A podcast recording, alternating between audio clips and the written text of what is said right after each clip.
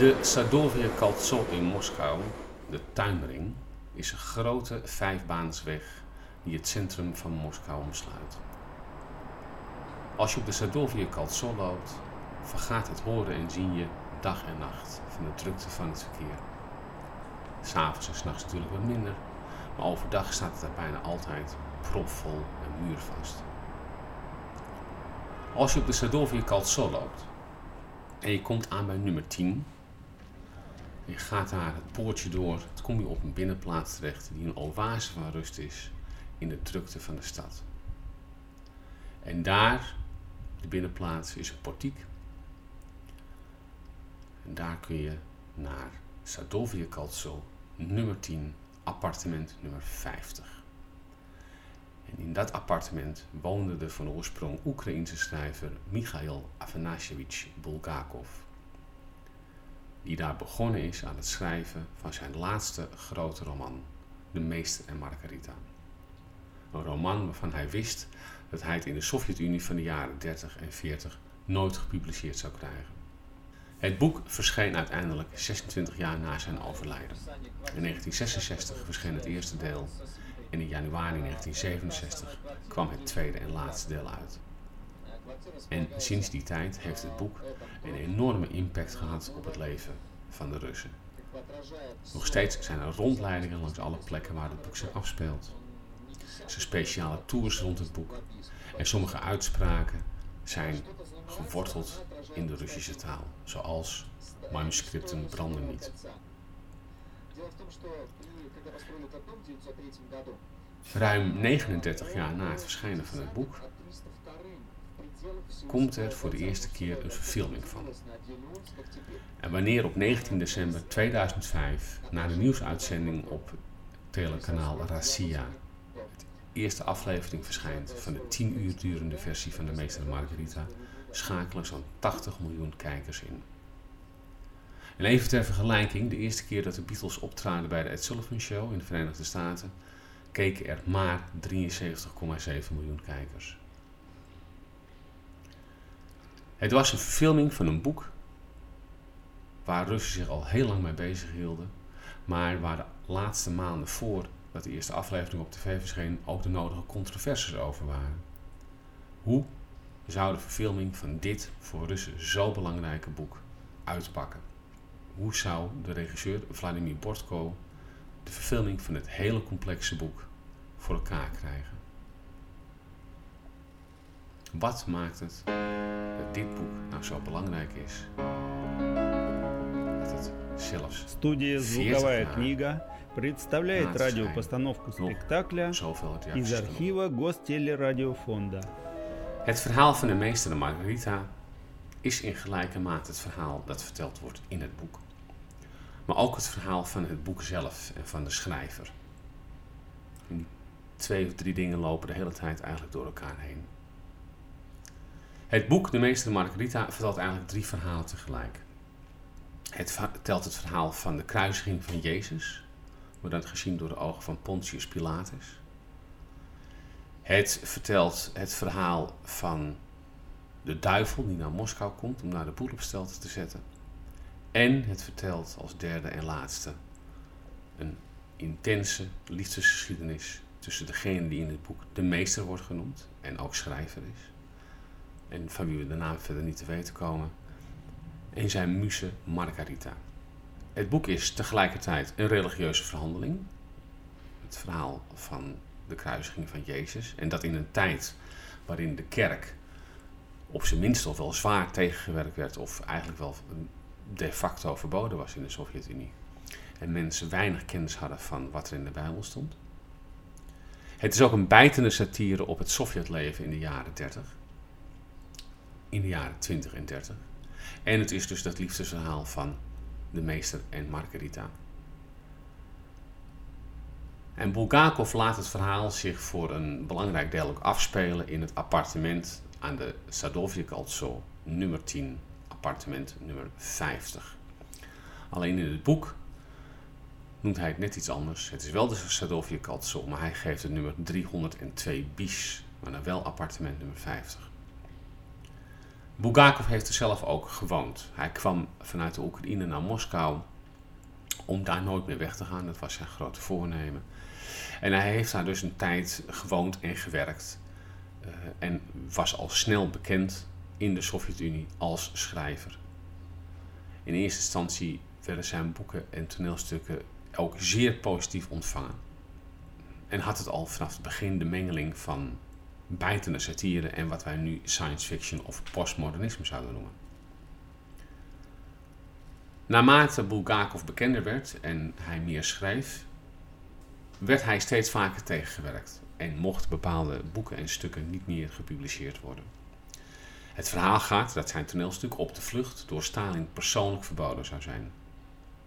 Terwijl diezelfde Stalin, naar verluid, het toneelstuk De Dag van de Turbunen meer dan 15 keer zou hebben gezien. En dat Stalin ook gezegd zou hebben dat Bulgakov echt een van de grootste Sovjet-schrijvers was die er op dat moment was. Bulgakov werkt en leeft alleen maar als schrijver, maar wordt daarin steeds vaker tegengewerkt. Van al die tegenwerkingen raakt hij zo depressief dat hij op een gegeven moment een brief schrijft aan de overheid van de Sovjet-Unie waarin hij vraagt: Ik wil dat de Sovjet-regering weet dat ik geen politicus ben, maar een schrijver. En dat ik alles wat ik maak aan de Sovjet-regering wil overdragen. De brief beslaat meerdere kantjes en, als je die brief ook leest kun je zien dat Bulgakov ontzettend zoekt om zijn emotie te verwoorden. Maar uiteindelijk schrijft hij met vrij grote letters aan het einde van de brief: Ik vraag aan de Sovjet-regering dat zij mij op zo kort mogelijke termijn laat gaan. Met andere woorden, dat ze mij op zo kort mogelijke termijn laten vertrekken vanuit de Sovjet-Unie naar een ander land. Bulgakov schrijft de brief in 1930 en stuurt hem ook op en verwacht dan uh, nou wel of ja, zit eigenlijk te wachten op een antwoord. Ondertussen gaat een andere grote Russische dichter en schrijver dood, Mayakovsky die pleegt zelfmoord. En die wordt op 17 april 1930 begraven. En Bulgakov is ook bij die begrafenis aanwezig, zoals heel veel andere prominente Russen uit die tijd bij die begrafenis aanwezig waren. En op 18 april gebeurt er iets opmerkelijks. De telefoon gaat. En Bulgakov neemt de telefoon. Zegt zoiets als hallo, zoals de Russen dat doen, zonder zijn naam te noemen. En aan de andere kant klinkt er een stem. Een stem die zichzelf niet voorstelt en die zichzelf ook niet hoeft voor te stellen. Want iedereen in de Sovjet-Unie weet wie die stem is. De stem is van Jozef Stalin zelf. En Stalin gaat een gesprek aan met Bulgakov. Naar aanleiding van de brief die Bulgakov gestuurd heeft. En Stalin vraagt aan Bulgakov of hij echt het land uit zou willen. En ze hebben een gesprek over de positie van kunstenaars in de Sovjet-Unie. We weten niet precies wat er gezegd is, maar aan het einde van het gesprek wordt Bulgakov gerustgesteld en zegt Stalin iets in de trant van dat hij het zal regelen. En zo gezegd, zo gedaan. Binnen enkele dagen krijgt Bulgakov de functie van regisseur aan een van de Moskouse, of een van de grote Moskouse theaters. Met andere woorden, Stalin heeft er zelf voor gezorgd dat Bulgakov hier aan het werk kwam. En telefoontjes van Stalin aan schrijvers, dat komt vaker voor. De episode waarin Bulgakov wordt gebeld door Stalin, kunnen we ook teruglezen in een ander groot Russisch meesterwerk dat pas jaren later bekend is geworden, ook in het Westen. Namelijk het boek Leven en Lot van Vasily Grossman. In dat boek gaat het om een geleerde die bezig is met het ontwikkelen van een kernbom. En die op een gegeven moment achterkomt dat allerlei, met name Joodse medewerkers van hem, uh, verdwijnen, opgepakt worden en niet meer voor hem mogen werken. In het boek van Vasily Grossman schrijft deze geleerde ook een brief aan Stalin en wordt dan ook gebeld door Stalin zelf, die dan uiteindelijk zegt dat hij het zal regelen. En ook nu nog, nog niet zo heel lang geleden, werd journalist Masha Gessen in Rusland ontslagen. In de Sovjet-Unie zijn schrijvers en dichters altijd belangrijke persoonlijkheden geweest. Vanaf de revolutie van 1917 tot de ineenstorting van de Sovjet-Unie in 1991 hebben dichters en schrijvers op de een of andere manier altijd een rol gespeeld bij het verwoorden van wat niet verwoord mocht worden. Zo schrijft de dichter Anna Akhmatova in een gedicht over de man die in het graf is en de zoon die in de gevangenis is. En daarmee verwijst ze naar de terreur in de jaren 30 onder Stalin. Сжала руки под темной вуалью. Отчего ты сегодня бледна? От того, что терпкой печалью напоила его до пьяна. Как забуду, он вышел, шатаясь, и скривился мучительно рот. Я сбежала, перил не касаясь, я бежала за ним до ворот. Maar de dichter Yevtushenko zal het later nog anders zeggen. Die zegt inderdaad letterlijk: een dichter in Rusland is meer dan een dichter. Het is niet verwonderlijk dat dichters en schrijvers daarom ook door het regime vrij hard werden aangepakt. Zo is er op een gegeven moment een, eh, een vergadering van de Schrijversbond, waar vijf leden van de Schrijversbond bij elkaar komen om te bespreken wat er moet gebeuren met de persoon Jozef Brodsky, die gedichten hebben geschreven die niet zo goed waren voor de staat. En van die bijeenkomst, van die vijf mensen, zijn er ook notulen bewaard gebleven. Die zijn ook nog te zien in een museum in Moskou. En daar zegt op een gegeven moment een van de aanwezigen: Zo'n schrijver heb ik niet als burger nodig van dit land. En daarmee wordt het lot van Jozef Brodsky bezegeld. Hem wordt het burgerschap ontnomen. Hij moet uitwijken naar de Verenigde Staten, wordt daar hoogleraar en krijgt later nog de Nobelprijs voor de poëzie. En had Brodsky nog op een bepaalde manier geluk dat hij alleen maar verbannen werd. Alhoewel dat voor een Rus een van de meest pijnlijke dingen is die je kunt doen. Weggejaagd worden uit je eigen land en niet meer terug kunnen keren. De dichter Ossip Mandelstam was een heel ander lot beschoren. Die zat op een gegeven moment met een aantal vrienden aan de keukentafel. En Mandelstam was toen ook al een bekende dichter.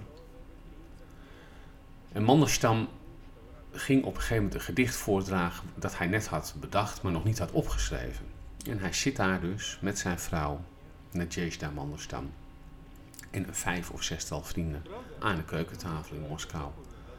En keukentafelgesprekken in de Sovjet-Unie waren altijd heel belangrijk, want daar konden mensen bij elkaar zitten en misschien iets vrijer praten dan dat ze gewend waren. En Mandelstam draagt in 1937 het gedicht voor over de bergbeklimmer in het Kremlin die met zijn dikke worstvingertjes de hele wereld vorm wil geven. En een paar dagen later wordt Mandelstam, die dit gedicht dus alleen maar voorgedragen heeft aan wat hij dacht dat zijn vrienden waren, opgepakt. Om wat hij daar gezegd heeft. En hij krijgt een proces en hij wordt veroordeeld tot 15 jaar gevangenisstraf. En Mandelstam is dan al een beetje al op leeftijd en hij is niet meer zo sterk. Een aantal mensen, waaronder zijn vrouw Nadezhda Mandelstam, die zetten zich in. Die schrijven ook een brief aan Stalin zelf om ervoor te zorgen dat de straf opgegeven wordt of als dat niet kan, misschien omgezet kan worden. En ook hier komt Stalin wel te hulp, om het zo maar te zeggen. De straf van uh, Ossip Mandelstam wordt omgezet van 15 jaar in ge uh, gevangenis naar drie jaar verbanning in Siberië. En die jaren verbanning in Siberië, waar zijn vrouw bij hem mag zijn, brengt Mandelstam in grote armoede door. Hij krijgt geen werk. Het enige wat hij kan doen is uh, af en toe een gedicht schrijven en het voordragen. En dat mensen hem dan wat, wat geld geven. En als de drie jaar voorbij zijn, gaan Ossip Mandelstam en zijn vrouw weer terug naar Moskou. Om er dan achter te komen dat ze niet meer in Moskou mogen wonen, omdat ze drie jaar in een andere stad hebben gewoond, in een ander dorp hebben gewoond. En dus zijn ze weer teruggegaan naar het platteland. En na verloop van tijd, na een aantal jaar, mochten ze wel weer in Moskou wonen. En toen ze helemaal goed gezetteld waren in Moskou, toen is Mandelstam ook weer opgepakt. En toen is hij niet meer teruggekeerd. En het gerucht gaat dat eh, Mandelstam in de Lubyanka-gevangenis, die in het centrum van Moskou staat, doodgeslagen zou zijn door Beria zelf of misschien door Stalin zelf. Een dichter in Rusland is meer dan een dichter.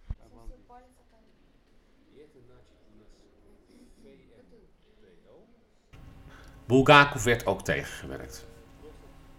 Hij heeft dan wel door de bemiddeling van Stalin werk gekregen als regisseur bij een van de grote theaters in Moskou. Maar al snel merkt hij dat zijn producties daar niet opgevoerd mogen worden. Hij wordt steeds meer tegengewerkt. En hij raakt daar weer enorm depressief van. Hij is ook ziek, waardoor hij ook weet dat hij niet uh, zo heel lang meer te leven heeft. En hij wordt steeds zwakker. Tegen het einde van zijn leven, in 1940, 1939, 1940, is hij te zwak om zelf te schrijven en dicteert hij de laatste stukken van zijn roman De Meester en Margarita aan zijn inmiddels derde vrouw Jelena Shilovskaya. Maar Bulgakov wordt dus zwakker. Ligt eigenlijk op sterven. En als je in het museum in Moskou bent, dan kun je ook een foto zien, een van de laatste foto's van Michail Bulgakov. Waarin hij recht overeind gehouden wordt door een goede vriend en diens jonge zoon. Maar Bulgakov is dan eigenlijk al niet meer bij bewustzijn en je ziet, je ziet een stervende man op die foto. Een paar dagen voor zijn dood maakt Bulgakov een notitie. En hij schrijft dan: Ik wilde het volk dienen, ik wilde niemand kwaad doen. In het boek komt de duivel naar Moskou en zet daar de boel op stelten. Dit mondt uit in een groot satanisch bal waar Margaretha zijn eregast is. En op het bal ziet Margaretha vele fantastische en ook heel veel verschrikkelijke dingen. je ziet ook Pontius Pilatus, die boete moet doen voor het feit dat hij Jezus heeft laten doodgaan. Margaretha vraagt aan de duivel: Is 24.000 maanden straf niet heel erg veel voor wat hij op één maan gedaan heeft, zo lang geleden? En aan het einde van het boek wordt Pilatus van deze straf verlost. Mag hij over de regenboog lopen naar de hemel en zich bij Jezus voegen. De meester en Margaretha vinden elkaar weer terug nadat ze heel lang van elkaar gescheiden zijn geweest. Drinken allebei uit de gifbeker van Pontius Pilatus en sterven. Maar door tussenkomst van Jezus worden hun geesten weer tot leven gewekt. Maar ze mogen niet naar de hemel. Omdat, zo legt Jezus uit, zij verdienen niet de hemel, zij verdienen rust. En de meester Margaretha, die worden naar een soort limbo gestuurd. Naar een huis met een tuin waar hij verder kan werken aan zijn manuscript. Waar zij de bloemen kan verzorgen, in de tuin kan werken. En ze zullen nooit meer van elkaar gescheiden raken. De Meester de Margaretha is een van de mooiste romans die geschreven zijn in de Sovjet-Unie. Zeker een van de mooiste romans die geschreven is door Michail Afanasievich Bulgakov. En ik doe dit niet vaak in het klinksnoer, maar ik wil hiervoor wel een uitzondering maken. Lees dit boek. Kijk of je aan een kopie van dit boek kunt komen. Kijk ook of je de serie kunt zien die in de Sovjet-Unie ooit gemaakt is. Lees dit boek. Neem het tot je. Het boek is mooi vanuit het liefdesverhaal. Het is indrukwekkend geschreven als het gaat over Jezus en Pontius Pilatus. En het is, dat heb ik misschien niet genoeg verteld, ook nog eens bij Vlaag heel erg leuk. Ontzettende mooie satire. Ja, het is mooier als je misschien allerlei verwijzingen kent naar het Moskou uit de jaren 30. En als je iets weet van de onderdrukking onder het Stalinisme. Maar ook wanneer je al dit soort dingen niet weet, heb je een boek in handen waarvan je van elke bladzijde kunt voelen hoe bijzonder het is dat dit geschreven is. Dus ik zou iedereen die hier naar het Klinksnoer luistert aanraden, als de zomervakantie aankomt, zorg dat je op reis gaat met een exemplaar van dit boek. En verder zou ik willen zeggen dat ik hoop dat iedere meester een Margarita vindt en dat iedere Margaretha een meester vindt. Deze aflevering van het Klinksnoer was een andere dan de voorgaande afleveringen. Ik ben de afgelopen week zelf in Moskou weer geweest en ik heb zelf weer ervaren hoe mooi en hoe prachtig deze stad is. Hoe mooi en hoe prachtig ik deze stad vind. Dan hoeft niet iedereen van mij naar Moskou te reizen. Het kan ook gewoon zijn dat het jouw stad niet is. Maar het is de mijne wel. En ik heb daar ook weer zelf mogen ervaren hoe mooi ik het boek De Meester en Margarita vond en vind. Ik hoop dat je ook weer met plezier naar deze aflevering hebt geluisterd. Laat me weten wat je ervan vond. Via iTunes, via Pocketcast, via Soundcloud of hoe je deze podcast ook verder beluistert. En ik hoop je over twee weken weer te kunnen verwelkomen als luisteraar bij een nieuwe aflevering van het Klinksnoer.